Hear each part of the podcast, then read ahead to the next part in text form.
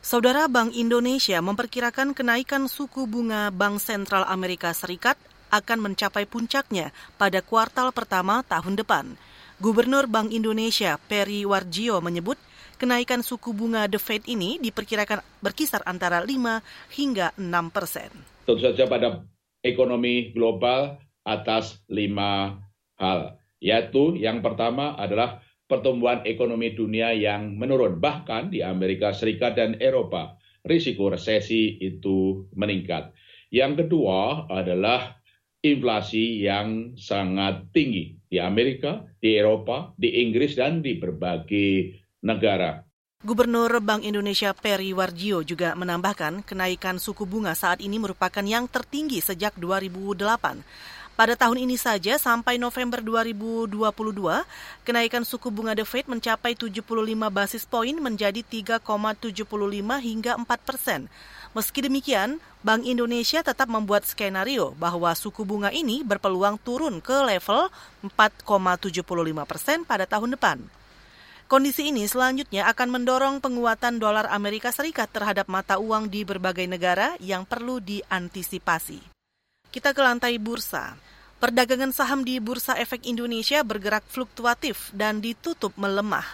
Dikutip dari RTI Bisnis, indeks harga saham gabungan atau IHSG ditutup di posisi 6.987, melemah 32 poin atau 0,46 persen. Lebih dari 370 saham melemah, 160-an saham menguat, dan 160-an saham stagnan. Sementara itu bursa saham utama Asia justru menguat, di mana penguatan tertinggi terjadi di indeks Hang Seng Hong Kong yang menguat 4,5 persen. Sedangkan nilai tukar rupiah menguat 0,29 persen dan diperdagangkan di kisaran 15,421 rupiah per satu dolar Amerika Serikat. Kita ke mancanegara. Pemerintah India melarang proyek konstruksi swasta beroperasi di New Delhi dan sekitarnya untuk mengurangi polusi, polusi debu dan emisi.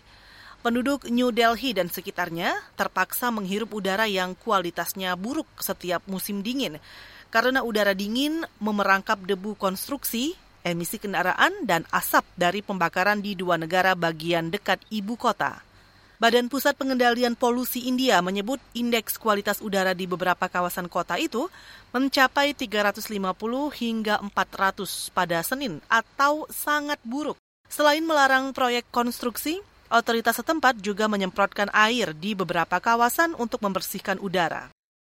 Dan pekan lalu, saudara, pemerintah India mengatakan akan melarang bajai bermesin diesel di ibu kota itu. Mulai 2027, hanya bajai bertenaga gas alam terkompresi atau listrik yang boleh beroperasi.